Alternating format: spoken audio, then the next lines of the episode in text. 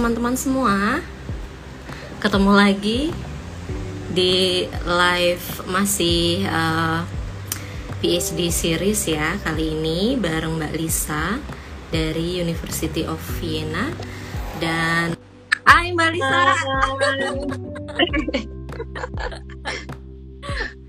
Mbak Lisa ceritain dong di sana gimana? Sekarang lagi dingin kan? Apa uh, gimana?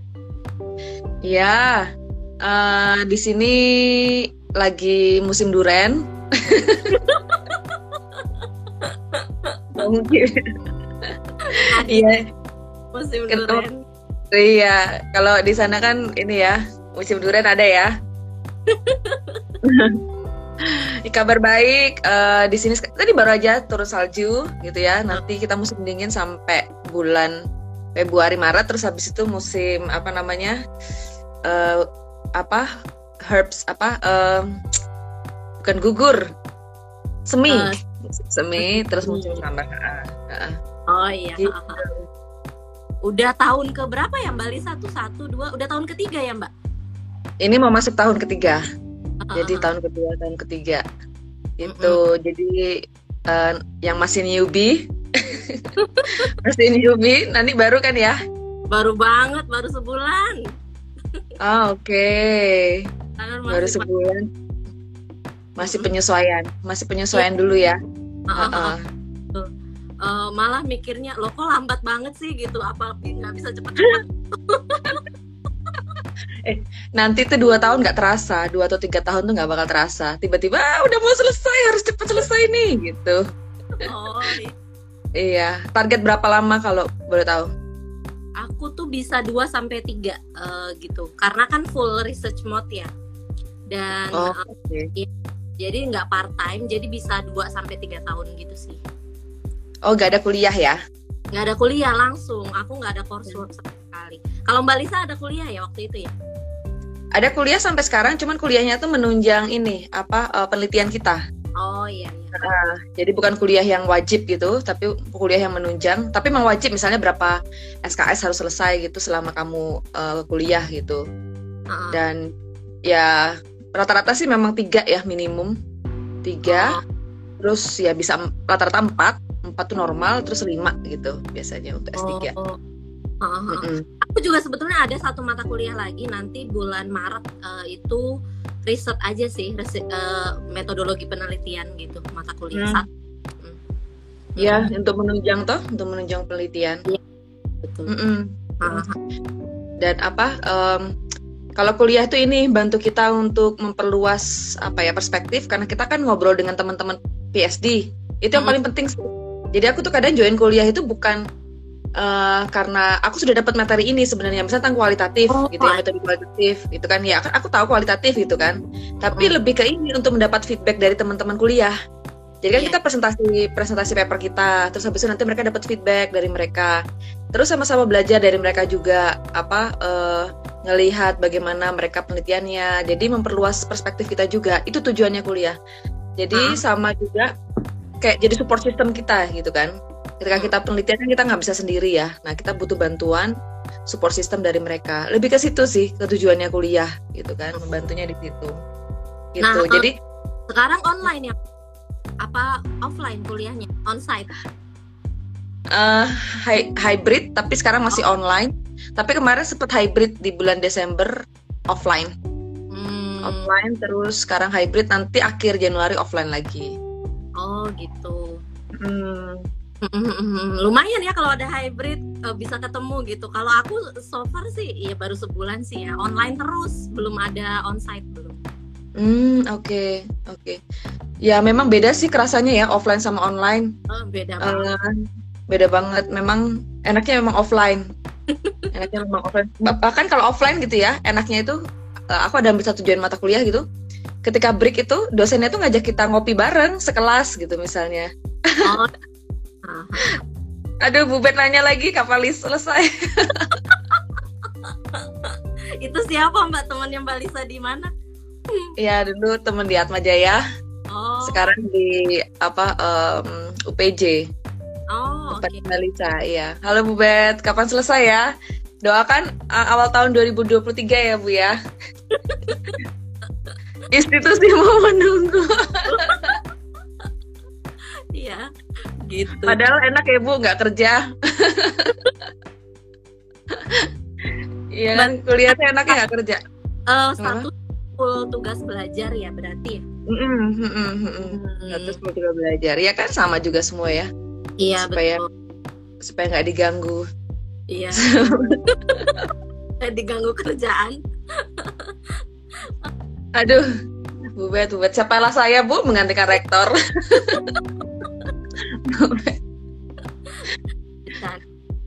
Aduh okay. Bu, masih Mbak, boleh cerita nggak dari awal waktu dulu tuh kan aku ingetnya Mbak Lisa tuh BPPLN, tapi ternyata bukan ya beasiswa pemerintah Austria ya justru. Bukan, bukan. BPPLN ada lagi temanku ada yang dapat BPPLN di sini. Uh -uh. Tapi kalau aku uh, dari pemerintah Austria, uh -uh. gitu. Waktu itu kan bukan bukan dua sekaligus, jadi pemerintah Indonesia dikti sama pemerintah Austria. -uh. Terus aku sebenarnya apply dua-duanya, apply dua-duanya kalau yang pemerintah Indonesia ini emang khusus untuk dosen.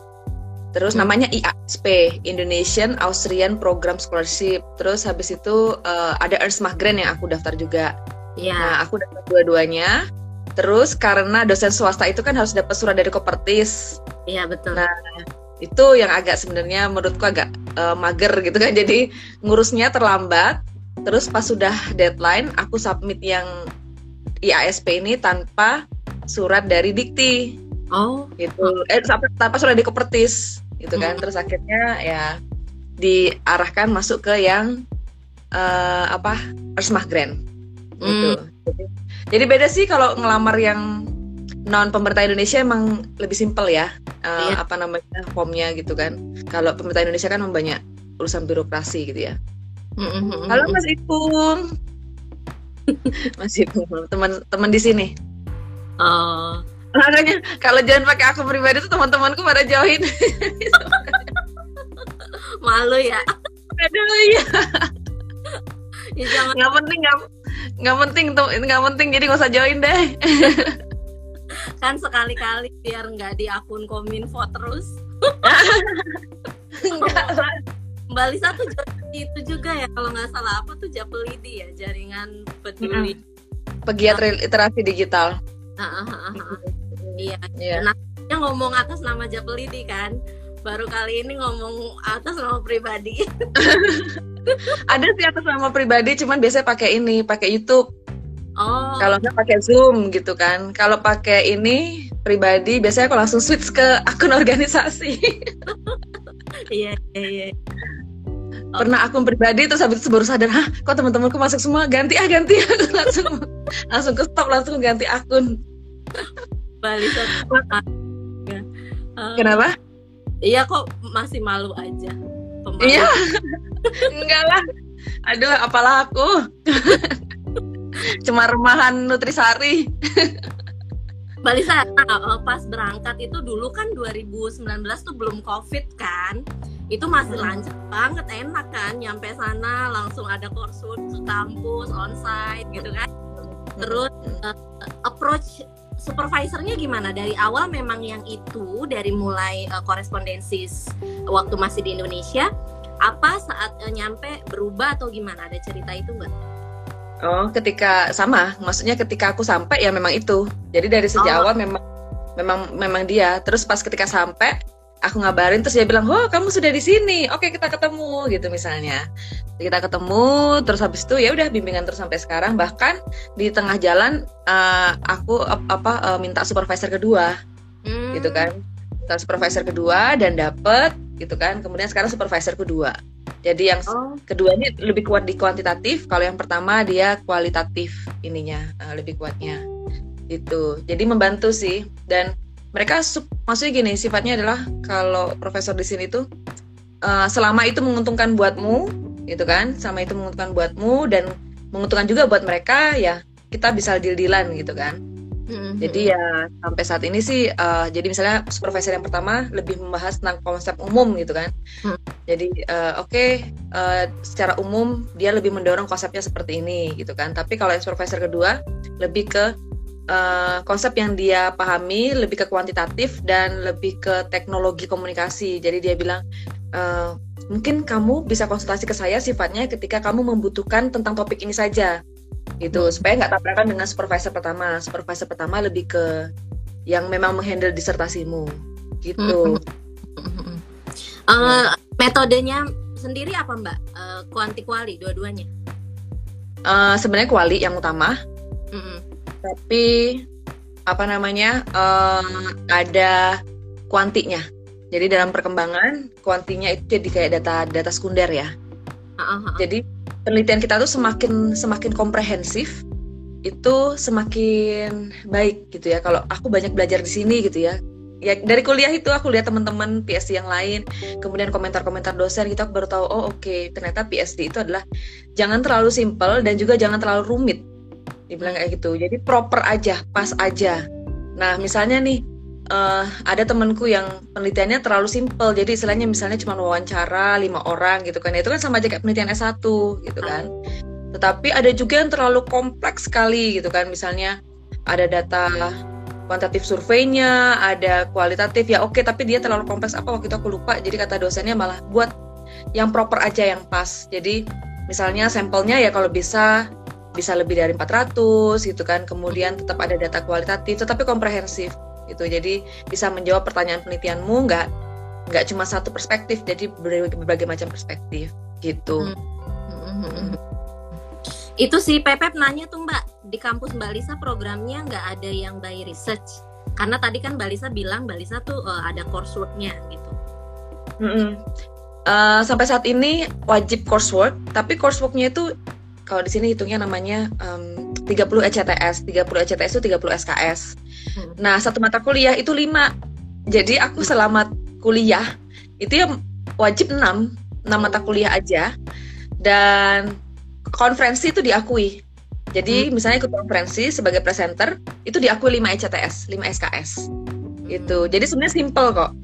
Itu dan di sini ada, kalau di Eropa itu ada dua sistem. Satu sistem ketika kita apply itu adalah dengan mencari profesor, yang satu dengan melamar pekerjaan. Nah, oh. Nah, kalau melamar pekerjaan itu kita punya posisi misalnya uh, predok gitu ya. Nah, itu misalnya profesor buka lowongan nih. Oke, nih komunikasi butuh lowongan asisten untuk di bidang misalnya komunikasi literasi gitu ya, komunikasi literasi digital. Hmm. Kamu apply, ketika kamu apply nanti diwawancara oleh profesornya. Oh ya, kamu ngajuin proposal juga, diwawancara profesornya. Kalau dia setuju, kamu keterima dan kamu bekerja di situ. Dan kamu terikat jam kerja terikat jam kerja, tetapi kamu digaji oleh si institusi tersebut. Gajinya pun juga mengikuti aturan negara. Itu yang notabene pastinya uh, Eropa cukup gede gitu ya. Tetapi ada pajaknya juga di situ kayak enaknya. Pajaknya juga gede. Sekitar 40 persen apa ya, 40 sampai 50 persen. Tetapi kamu mendapatkan hak seperti warga negara di sini. Gitu. Banyak sekali hak di sini. Misalnya um, hak tunjangan segala macam gitu ya. Itu uh, bahkan kamu bisa dapat tunjangan pensiun gitu ya kalau kamu lama di sini. Nah itu kalau bekerja. Uh, tetapi kamu terikat jam kerja ya. Jadi misalnya mereka libur ya libur. Kalau kerja ya kerja. Terus satu lagi adalah benar-benar murni student kayak aku gini. Jadi aku hmm. ini murni student karena yang biayain bukan si institusi yang biayain adalah penerima beasiswa pemerintah di sini gitu kan. Hmm. jadi mereka tidak bisa tanda kutip untuk memaksaku harus bekerja itu hmm. jadi aku punya waktu yang sangat fleksibel itu hmm. jadi ketika ditanya kamu nggak mau kerja aja sini nggak? Ah kapan lagi nggak kerja?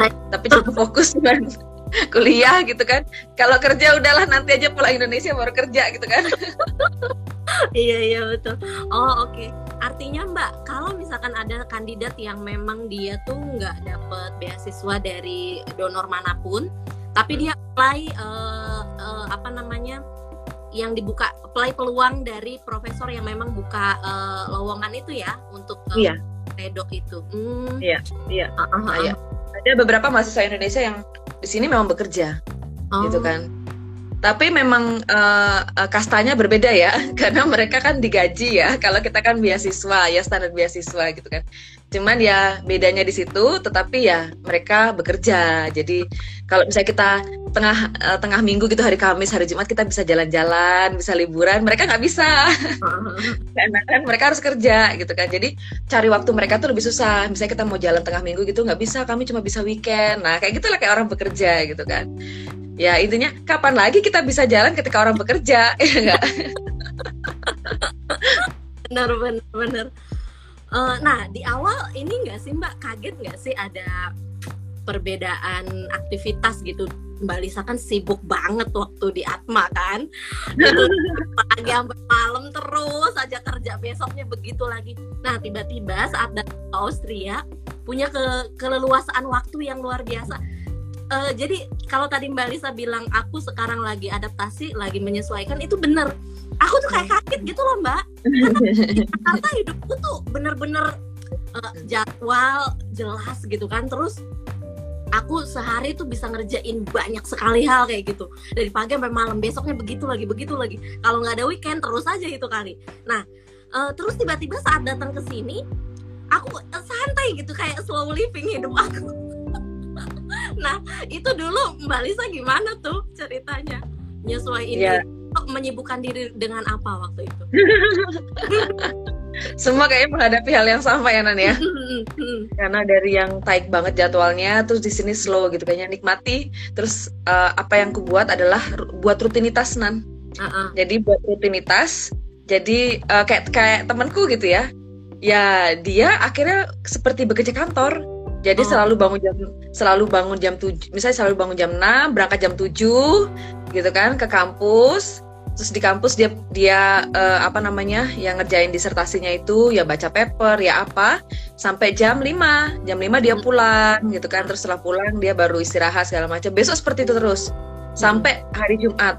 Nah hari Sabtu minggunya terus dipakai untuk ke jalan-jalan untuk refreshing dengan teman gitu kan. Tetapi ketika ada tengah minggu misalnya ada intervensi teman-teman yang mau ngajak apa ya selama kita bisa kenapa enggak gitu kan. Hmm. tetapi cara yang bisa yang biasa aku lakukan adalah buat rutinitas. Mm-hmm. itu supaya apa namanya akhirnya nggak nggak nggak terbuang gitu dengan slow slownya itu gitu yeah. kan? Nggak terbuang. Kalau kemarin slownya itu kan eh kemarin kan tightnya karena kondisi di luar yang memaksa kita gitu kan? Memaksa kita akhirnya jadwal kita tight gitu kan. Tapi untuk diri sendiri kan akhirnya loss ya. Nah di sini saatnya untuk diri sendiri. Diri sendirinya tuh apa? Lebih ke akademis kita. Lebih ke situ malah di sinilah saatnya kita memperdalam ilmu kita. Gitu. Hmm. makanya uh, jadi uh, pilihlah kegiatan-kegiatan yang akhirnya menunjang inimu apa um, ke dalammu. Hmm. kayak ilmumu. Jadi misalnya kayak aku gabung Japelidi itu kan salah satunya karena dalam rangka memperdalam itu juga gitu kan.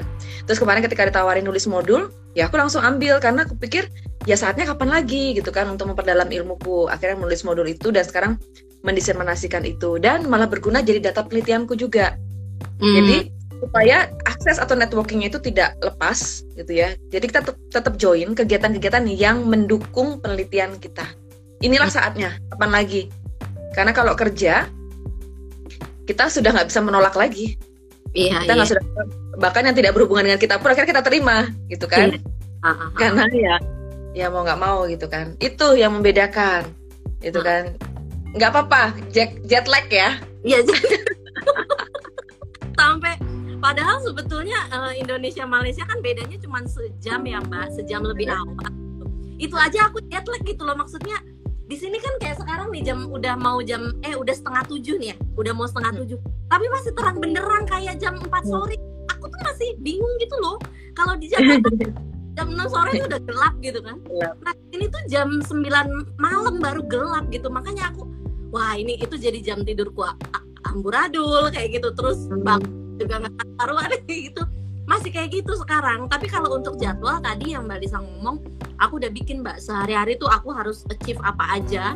Aku habis hmm. apa aja gitu. Termasuk kayak sekarang aku sebenarnya lagi ngerjain utang kerjaan dari Jakarta.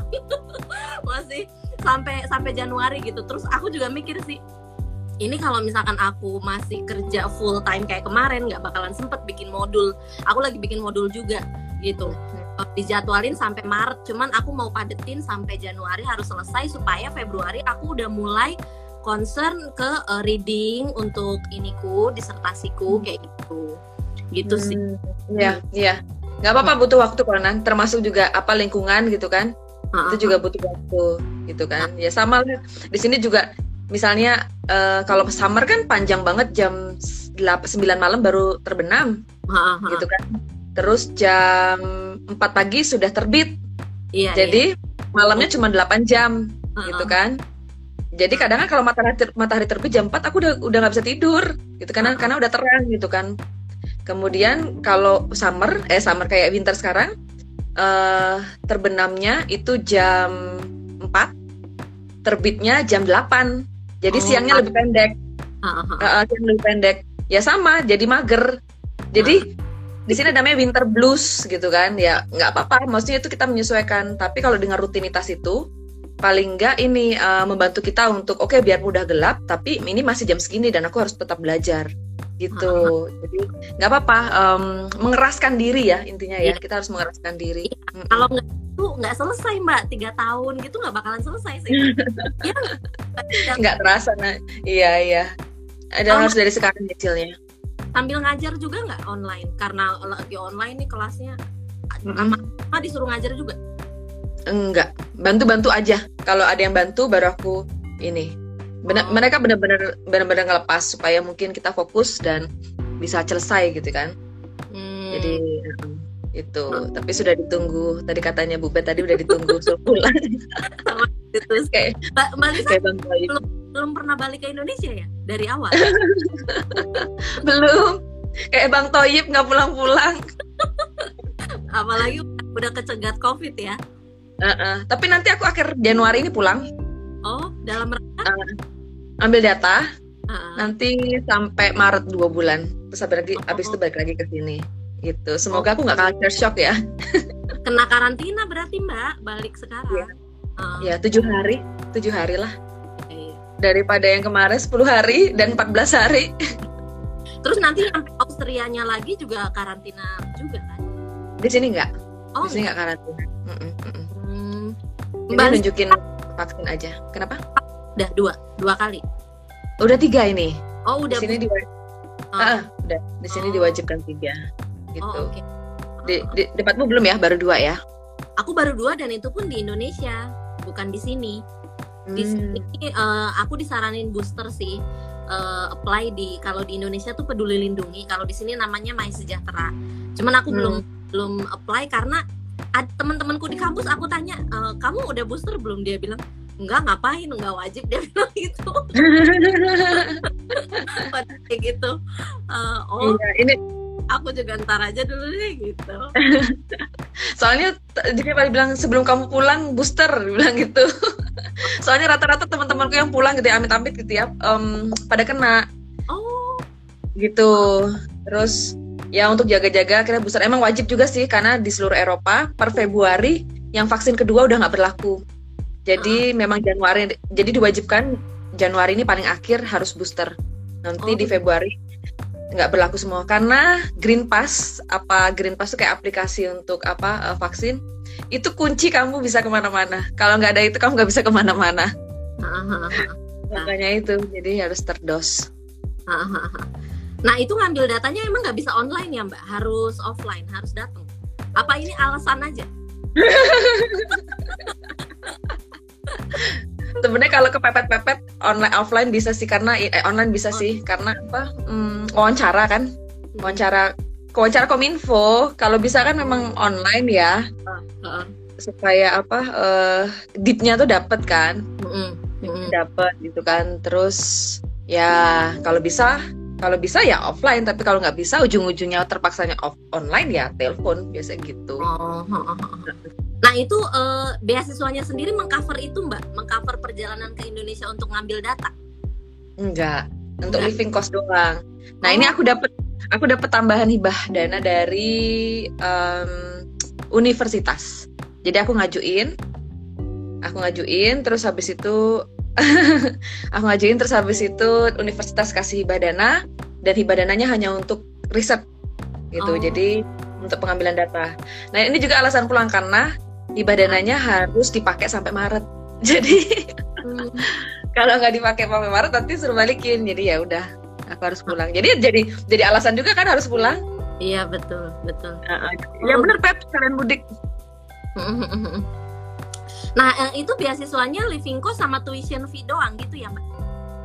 Iya, uh, di sini sebenarnya tuition fee itu negara Eropa itu beberapa kayak misalnya Italia, Austria, Jerman, terus mana lagi ya? Um, daerah Eropa Barat itu rata-rata biaya biaya edukasi itu disupport pemerintah. Jadi, Jadi kalau kamu uh, kalau untuk warga EU itu cuma bayar 20 euro. Kalau kami kalau kita ini warga negara yang third country seperti ini itu ada tarifnya. Nah, tarifnya tuh kayak di Indonesia, 700 euro. 700 euro itu berapa 15 juta satu semester. Itu kan sama kayak kuliah di UI ya kan? Benar, benar. Nah, benar kan? Murah banget gitu. Kalau untuk pendidikan di sini murah banget dan kamu bayar 700 euro atau 15 juta itu kamu bisa ngambil nggak cuma satu jurusan. Hmm. Kamu bisa ngambil berbagai macam jurusan kalau kamu mampu. Temanku ada yang ngambil dua jurusan di universitas yang sama gitu kan. Hmm. Nah, karena aku dapat beasiswa, jadi ya udah 700 euro itu dihapuskan. Terus uh, aku cuma bayar kayak student unionnya di sini kayak BEM-nya. Jadi di sini tuh oh. apa um, uh, suara mahasiswa kan benar-benar di ini ya, di didengar gitu kan. Uh-huh. Jadi mereka punya BEM. BEM-nya tuh bahkan sampai tingkat nasional. Nah, itu kita harus bayar. Jadi su untuk support kegiatan mereka kita harus bayar per ini 20 euro itu sekitar 20 euro se euro itu 10 euro 200 ribu lah 300 oh. ribu oke oke oke hmm, berarti ya beasiswanya itu buat living cost ya terus untuk mm -hmm. Lisa dapat lagi dari kampus karena memang ngajuin gitu kan mm -hmm. cukup living cost living costnya cukup nggak ya cukup lah yang eh, ditambah bisa buat jalan-jalan juga Oh iya. Oh iya, Mbak. Tapi tinggalnya di mana? Di dorm apa di apartemen? Aku tinggal di dorm. Jadi di sini itu uh, di sini itu banyak kayak dom mahasiswa student centrum namanya. Jadi pusat student banyak di sini dan di situ kamar-kamar dan mereka punya standar. Jadi misalnya tiap kamar itu kamu harus punya ya pasti tempat tidur gitu kan ya. Terus meja belajar, internet, kulkas gitu. Kemudian nah sekarang yang membedakan adalah mereka punya kamar mandi dalam atau kamar mandi bareng-bareng sama dapur dalam atau kamar dapur di luar gitu. Hmm. Nah kalau aku uh, kamar mandi dalam tapi dapur bareng-bareng itu. Hmm. Jadi ada dorm. Tapi ada juga teman-teman mahasiswa yang akhirnya sewa flat atau apartemen itu hmm. dan mereka join dengan temen atau mungkin karena mereka rencana mau bawa keluarga jadi mereka uh, sewa flat terus nanti baru apply resident permit untuk keluarganya untuk datang ke sini biasanya setahun setelahnya baru bisa datang gitu. Hmm. Mbak Lisa hari-hari masak juga? Ya, iya masak. Tapi lama kelamaan masak itu males ya. Tapi terus aku belajar masak loh di sini. Uh, uh, apa namanya? Ya belajar masak dari YouTube gitu kan. Hmm. Jadi uh, ya mau nggak mau belajar gitu kan. Tapi lama kelamaan kok males ya. Akhirnya misalnya masak untuk seminggu.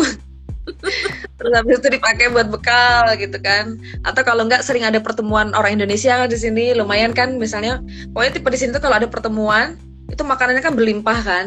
Nah terus kita suruh bungkus apalagi untuk student-student gitu kan bungkus bungkus gitu ya udah aku bungkus gitu kan bungkus ya udah aku pakai untuk makan kan lumayan lebih karena males sih Iya iya. iya. Mungkin kalau kalau Nani yang rajin mungkin masak terus ya. Temanku ada rajin masak terus tiap hari soalnya. Iya iya iya. Aku masak sih. Soalnya masak tuh buat aku kayak healing juga loh mbak. Daripada aku ya. ngadepin uh, laptop terus seharian, masak tuh kayak selingan gitu. Aku ngadepin kompor, ngadepin bahan-bahan kayak gitu kan. Jadi kayak ya, seneng ya. masak. Uh. Jadi iya. seharian masak kayak gitu. Terus uh, apa kayak sekarang nih minggu nih sebelum live ini, aku nyapu ngepel, terus uh, nyuci.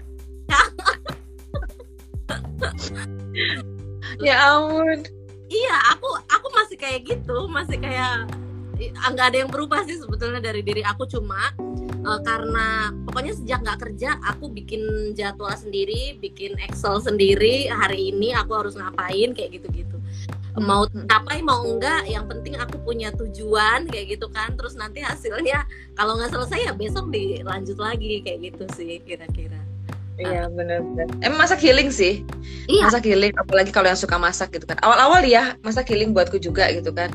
Tapi lama kelamaan karena mungkin sudah taik ya apa yang harus dikerjakan disertasinya, oh. jadi terkadang uh, butuh apa namanya waktu dua jam untuk memasak itu diganti dengan untuk mengerjakan gitu kan. Uh-huh. Sekarang healing itu adalah ini jalan-jalan sih Nan. Uh-huh.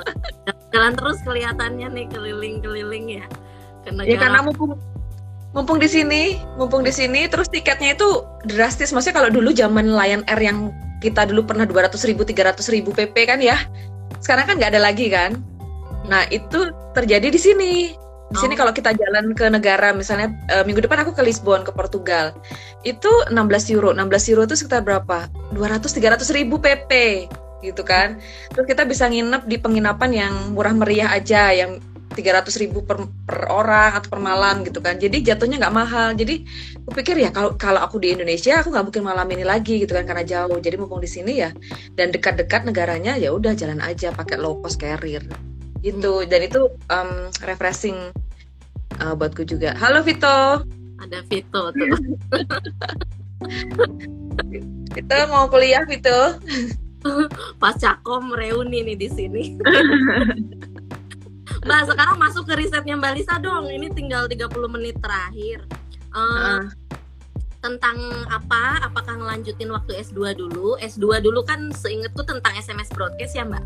Jadi lebih ke lebih ke kebijakan kebijakan komunikasi kebijakan komunikasi tapi ke teknologi gitu aku juga kan sebenarnya kebijakan komunikasi tapi ke pariwisata krisis bencana nah mbak Lisa nerusin apa benar-benar baru uh, terus kalau misalkan uh, nerusin ada yang baru yang barunya tuh apa gimana minta diceritain mm-hmm.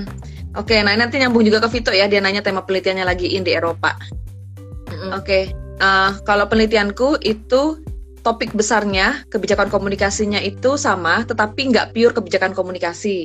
Jadi aku sekarang lebih ke literasi uh, sosial media, jadi literasi media, tapi diarahkan ke edukasi. Nah untuk apa? Untuk kebijakan pemerintah. Jadi aku mau memberikan sumbangsi. Jadi kan Kominfo sekarang sedang bikin kebijakan uh, literasi digital untuk empat pilar kan, digital ethics, digital culture, kemudian digital safety, sama digital skills. Nah, empat pilar ini kemudian aku coba implementasikan ke program non formal edukasi. Terus dengan komunitas yang ku beri training itu, kemudian aku kasih survei, pre, pre and post test, kemudian juga uh, eh, FGD dengan mereka yang pesertanya seluruh Indonesia. Kemudian uh, setelah itu aku juga wawancara expert, nah nanti salah satunya dengan Kominfo. Nah dari situ aku membuat kurikulum. Hmm. Kurikulumnya itu aku berikan kontribusi untuk empat literasi digital kominfo ini. Nah, hmm. apakah empat literasi digital ini itu perlu ada penambahan, perlu ada pendalaman atau seperti apa? Nah, jadi uh, tetap membantu kebijakan komunikasi ke pemerintah, tetapi sekarang lebih spesifik ke literasi edukasi. Jadi konsep yang mau aku konseni sekarang adalah literasi edukasi, tetapi tetap menyumbang ke uh, kebijakan pemerintah, cuman nggak pure kebijakan pemerintah aku lebih ke situ sekarang lebih fokus ke situ mm-hmm. jadi selama kita selama kita S3 ini ya Nan ya mm. kita tuh sebenarnya sedang sedang mencari jati diri untuk mm. riset kita itu kan nah saat inilah kamu selama tiga tahun ke depan atau dua tahun ke depan kamu bener-bener menikmati tiap stepmu hmm. bahkan gitu ya aku menulis journaling terus tiap hari gitu kan menikmati stepku karena di sinilah kita sedang mencari kita mau ke mana kita mau mendalami ilmu apa, kita mau ekspertis ke mana. Nah setelah selama tiga tahun di sini, aku baru merasakan bahwa oh kok aku passion ya, ketika aku menghidupi riset tentang literasi edukasi, mm. gitu kan yang sekarang di apa namanya di uh, dunia komunikasi ini sedang dikembangkan, gitu kan. Dan nyambung juga ke Vito ya, nyambung juga ke Vito. Uh, yang lagi kemarin baru, ya lagi di Eropa ya aku mungkin nyambung nggak nggak hanya Eropa gitu ya Vito ya jadi pada dasarnya ilmu komunikasi kan um, ya Eropa yang yang ini ya yang dominan di Eropa, Amerika sama Australia. Itu kan mereka tuh punya concern masing-masing. Kalau Amerika sama Australia tuh lebih pragmatis gitu kan, kalau Eropa lebih ke teoritis. Gitu kan. Nah, kalau aku lihat uh, state of the art-nya untuk ilmu komunikasi itu sekarang mereka lagi ngembangin uh, lebih ke dunia digital. Tetapi dunia-dunia kayak jurnalistik gitu ya, kemudian media mainstream itu juga masih digeluti di sini karena mereka tuh mau, menguatkan di teori kalau di Eropa. Hmm. Jadi kekuatan mereka itu adalah selalu memberikan sumbangsi ke sistem teorimu tuh kamu mau, mau kasih apa dan mereka tuh aku salut ya mereka tuh selalu mengkritisi teori hmm. gitu jadi misalnya nih teori Wilbur Schramm gitu ya iya. apa yang kurang dari dia itu yang mereka suka belum gue gila. Dan kadang nah di sini kalau aku jet lagnya di sini. Hmm. kalau aku jet lagnya itu kemarin bukan lebih ke lingkungan tapi lebih ke cara berpikir. Hmm. karena mereka tuh cara berpikirnya dalam. Jadi ketika misalnya mereka diskusi talk aktif banget sampai susah mutusnya di mana tetapi yang mereka ngomongkan itu teoritis banget sampai aku bilang ya ampun aku bisa nggak ya ini ngomong uh, sedalam mereka gitu kan. Karena ngomongnya itu um, perdebatannya tuh seru tapi soal teori yang mungkin kita udah kalau di Indonesia udah jauh gitu ya maksudnya udah aduh capek ngomongin teori tapi di sini tuh kayak sesuatu yang dihidupi gitu jadi kekuatannya di situ jadi di teori ya dialektika terkait dengan teori karena emang di sini pusat perkembangan teorinya kan di situ gitu. Nah terus um, ya dan kemudian kemarin uh, aku sempat join beberapa konfer uh, join konferensi satunya ke ICA gitu kan mm -hmm. nanti kan ICA ada di Paris gitu kan uh, aku sempat join di situ dan PhD student di sini ternyata pada apply ke situ jadi memang wow, oke okay. berarti memang di sini nuansa kompetitif untuk konferensi publikasi itu tinggi mm -hmm. itu uh, apa namanya uh, mungkin di, mereka banyak banyak didorong ke situ sih banyak didorong untuk publikasi apa dukungan dari institusi bahwa kalau kita present di conference itu dikonversi menjadi SKS itu juga hmm. menjadi daya tarik mahasiswa kan iya iya hmm. iya dan conference di sini tuh lebih ke networking ya hmm. jadi kalau kita kan conference itu sampai uh, dijual untuk Scopus untuk iya. proceeding gitu kan tergantung ilmu ya. Kalau ilmu teknik mungkin iya, tapi kalau ilmu sosial di sini enggak. Konferensi itu hanya networking. Hmm. Karena di sini Scopus segala macam publikasi itu ya jurnal. Hmm. Gitu. Jadi uh, ketika aku misalnya apply conference gitu, terus mereka bilang ketika kamu habis apply conference ya jangan berhenti di conference Lisa gitu kan. Terus habis itu kamu ambil paper itu dari feedback mereka, kamu apply langsung ke jurnal, dibilang kayak gitu.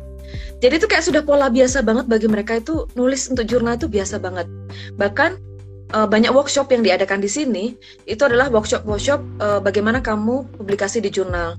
Dan misalnya uh, besok aku ikutan workshop orchid.id. Orchid tahu ya yang kita punya identity itu. Kemudian uh, Scopus, Web of Science gitu kan. Jadi uh, Web of Science itu memang kayak dewanya untuk uh, apa citasi gitu kan. Hmm. Kemudian uh, pokoknya seputar bagaimana kamu publis didorong terus gitu kan bahkan aku sempat nanya ke kaprodi di sini kamu berapa dalam setahun berapa kali publikasi gitu kan minimum gitu ya satu tahun itu udah sangat baik tapi kalau bisa dua dibilang hmm. kayak gitu setahun. Bisa dua. Ya setahun dua kalau bisa. Wah berarti satu semester satu doang gitu kan. Dan ya bagi mereka itu itu biasa gitu kan uh, untuk nulis. Aku aku lebih ke vibes itu yang aku dapatkan sinan yang yang itu bisa buat bekal kita nanti pulang gitu kan. Ketika nulis uh, kalau bisa lingkupnya nggak sekedar nasional mm-hmm. tapi ya sampai internasional mm-hmm. gitu. Supaya um, scholar Indonesia itu nggak cuma terkenal di lingkup Indonesia gitu kan tapi juga sampai internasional. Gitu. Kalau kolaborasinya gimana mbak? Udah jalan selama ini di jurnal atau apa gitu? Uh, ya uh, maksudnya kolaborasi? Kolaborasi Kalo... bareng sama join research sama peneliti lain kayak gitu. Udah jalan belum Mbak Lisa? Kalau kalau misalnya teman-teman yang bekerja di sini, yang tadi aku bilang sistem bekerja, itu pasti dia join research. Karena dia punya grup research dan dia pasti join di situ. Tapi kalau misalnya aku hanya student, aku default join researchnya adalah dengan supervisor. Itu wajib. Hmm. Gitu. Jadi udah default, jadi supervisor ke satu dan kedua aku adalah penulis per kedua dan penulis ketiga. Uh, gitu. Pertama uh, gitu ya. Nah, terus mumpung aku di sini juga, jadi aku ikutan namanya program mentoring dari EU. Jadi mereka tuh buka open banget untuk research gitu kan, namanya Eurexas. Nah, oh. ini kita bisa join research. Jadi aku di mentor selama enam bulan untuk publikasi jurnal internasional.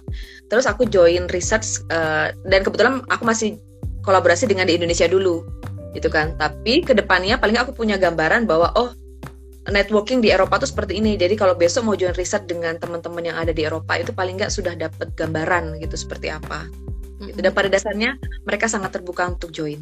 Tinggal kita aja yang aktif ngajakin. Yeah, gitu. Yeah. Yuk, yuk, yuk gitu. Kalau cocok nanti mereka mau join sama riset kita. Oke, okay. semoga pada semangat nulis ya nih Vito sama Pepe udah kayak mau kolaborasi nih kayaknya.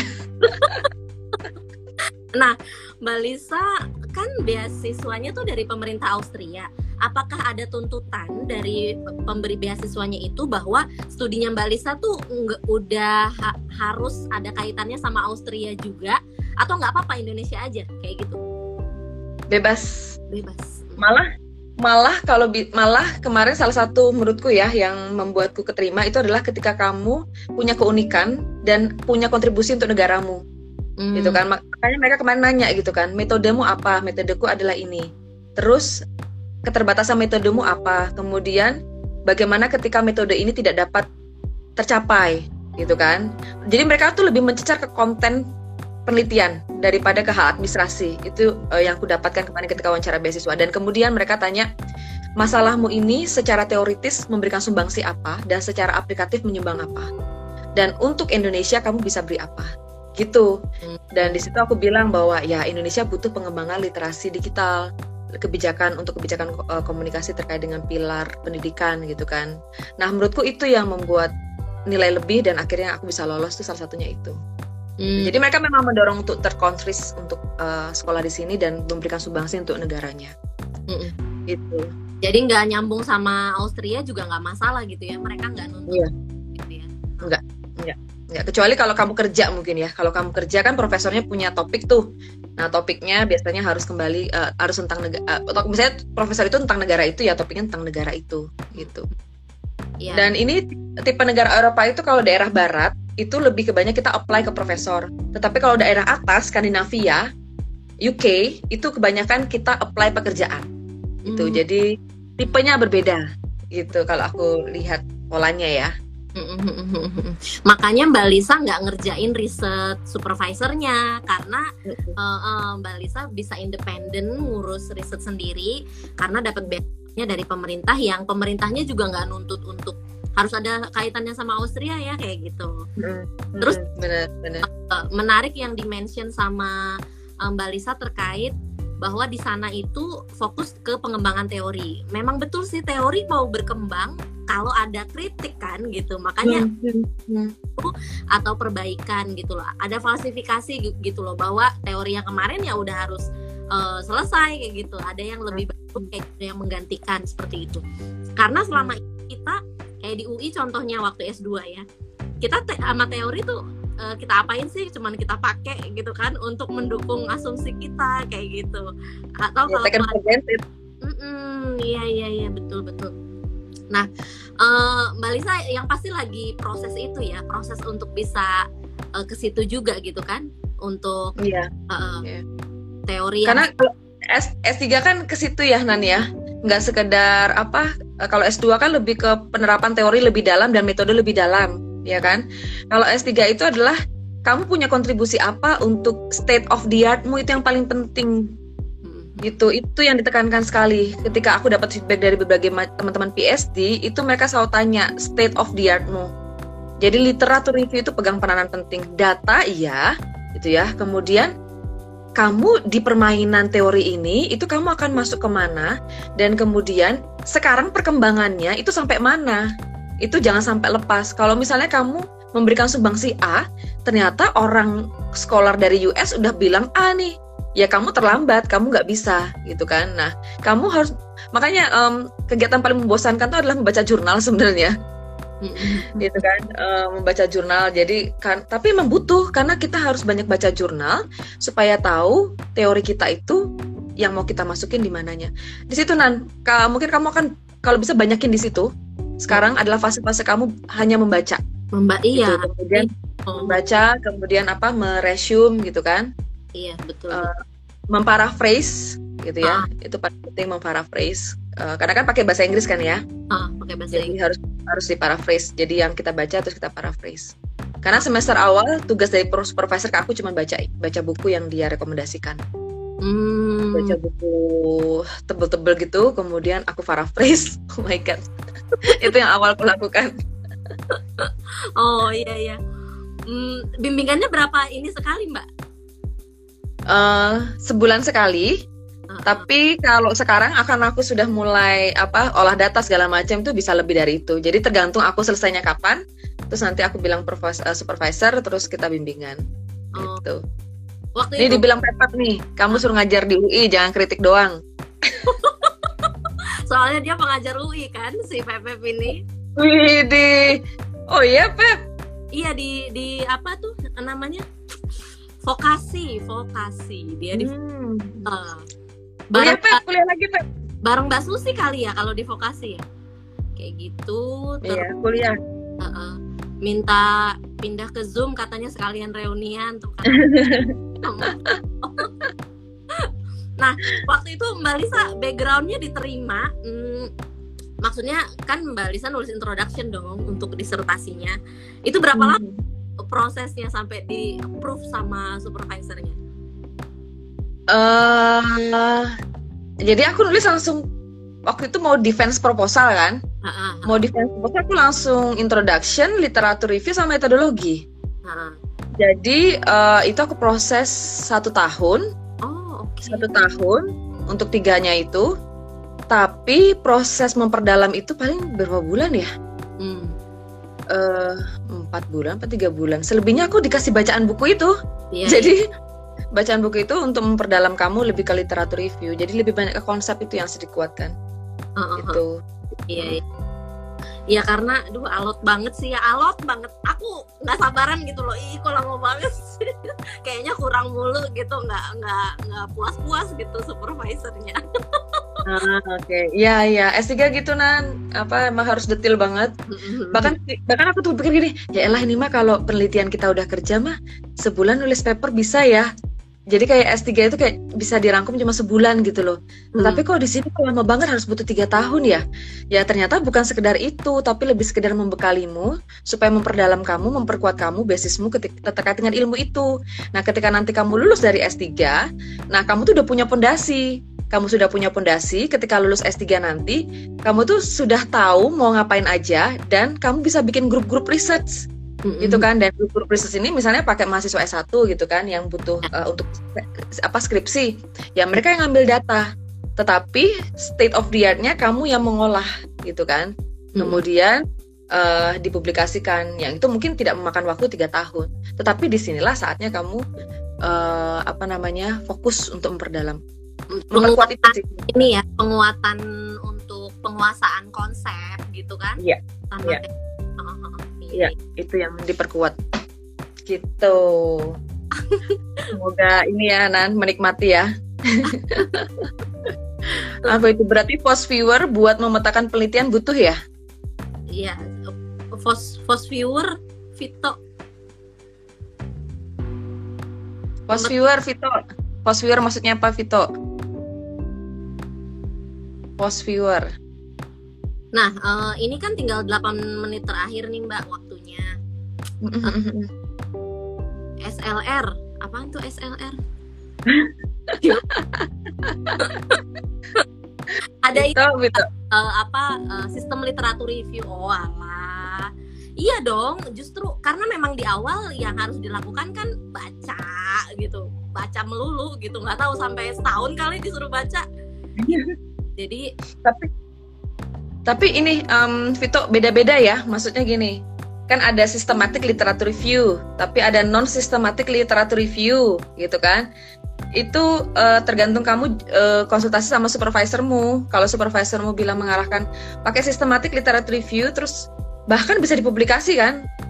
mereka bilang publikasi sistematik literatur literatur reviewmu ya bagus gitu kan malah dipublikasi tetapi jika enggak ya non sistematik literatur review Aku sih kadang pakai sistematik, kadang non sistematik karena aku nggak publikasi di literatur review. Jadi aku lebih publikasi ke hasil gitu kan. Tetapi hmm. temanku ada yang publikasi eh, sistematik dia pakai SLR hmm. gitu, sistematik literatur review. Nah itu um, ternyata biasa di sini. Uh, para PhD bikin sistematik literatur review, literatur review itu biasa banget. Yang hmm. di kita mungkin belum begitu ya. uh, di kita enggak. Uh, nah tadi Mbak terkait uh, publikasi. Mbak Lisa sampai lulus itu diwajibin berapa publikasi? Syarat lulus gitulah simpelnya. Jadi ada dua, ada dua nih ya. -uh. By monograf atau by publikasi. Oh. Nah, kalau profesornya kemarin bilang ke aku, Lisa kamu harus lulus berapa lama? Tiga tahun, Prof. Bilang gitu. Terus dia bilang, ya udah, kalau publikasinya nanti aja setelah kamu lulus. Jadi saya kasih kamu monograf aja. Jadi kayak disertasi seperti biasa gitu aja. Nah setelah itu kamu baru publikasi. Tapi di sini rata-rata yang bekerja wajib publikasi. Nah kalau standar di Uniwin, Universitas tepatku gitu tiga publikasi submitted gitu. Eh bukan submitted, accepted gitu kan. Jadi macam-macam ya. Ada yang targetnya cuma sampai submitted, ada yang targetnya sampai accepted. Nah, kalau yang di Uniwin tuh kayaknya sampai septil sama publikasi kalau nggak salah.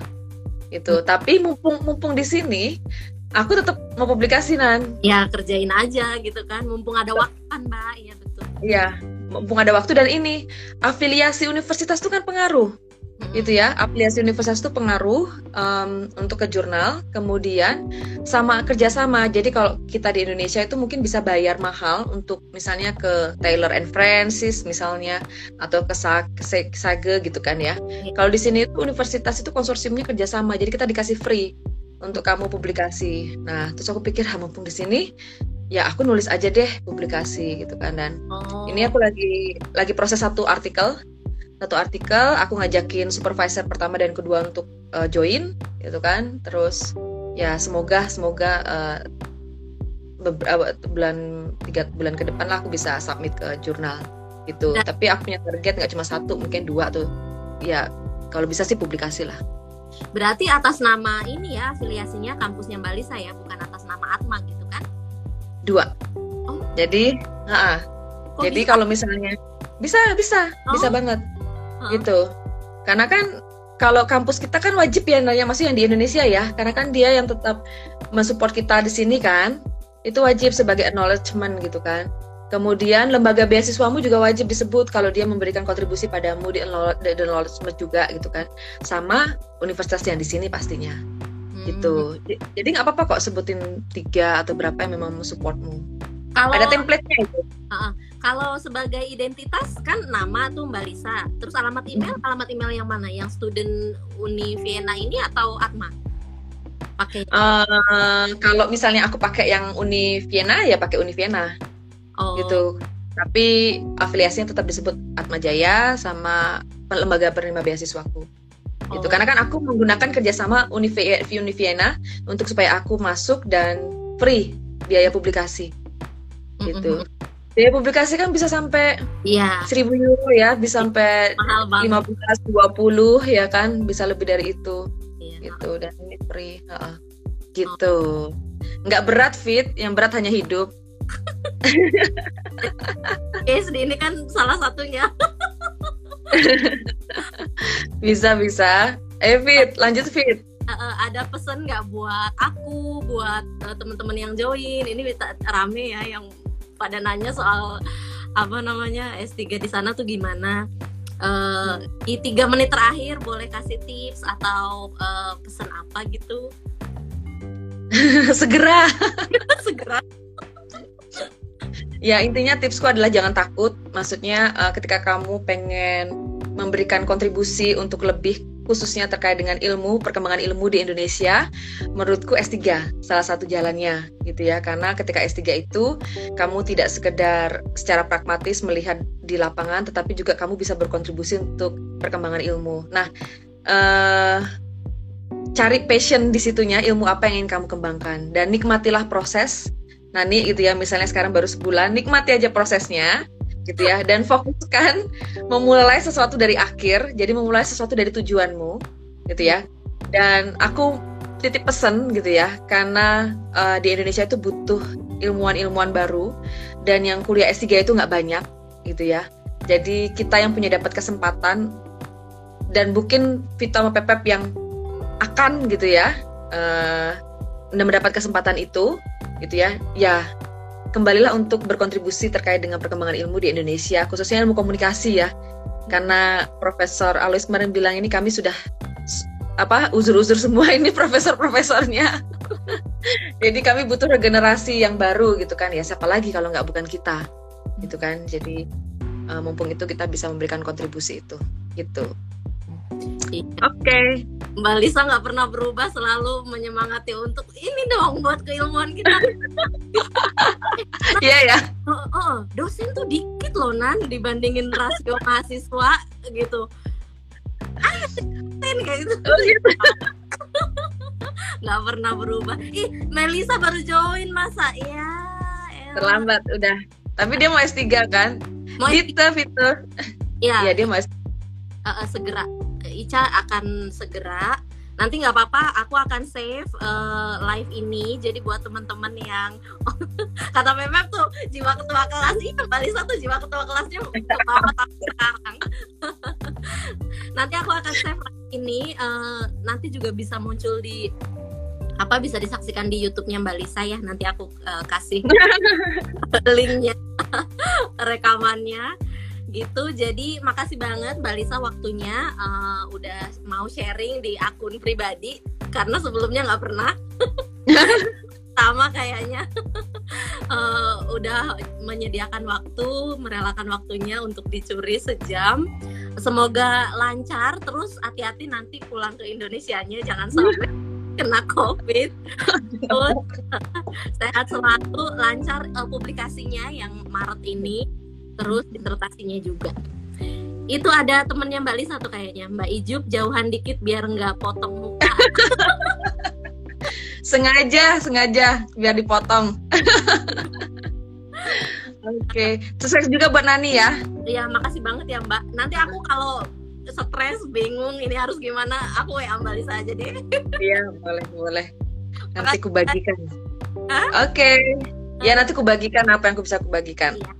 Okay. Dadah semuanya. Makasih teman-teman yang udah join. Semangat S3-nya. Nanti aku tap ya live ini. Sehat selalu. Sama-sama. Terima kasih Tifa Atika ya. Oh, iya. Tifa, Tika. Oke. Okay. Dadah. Thank you. Thank you.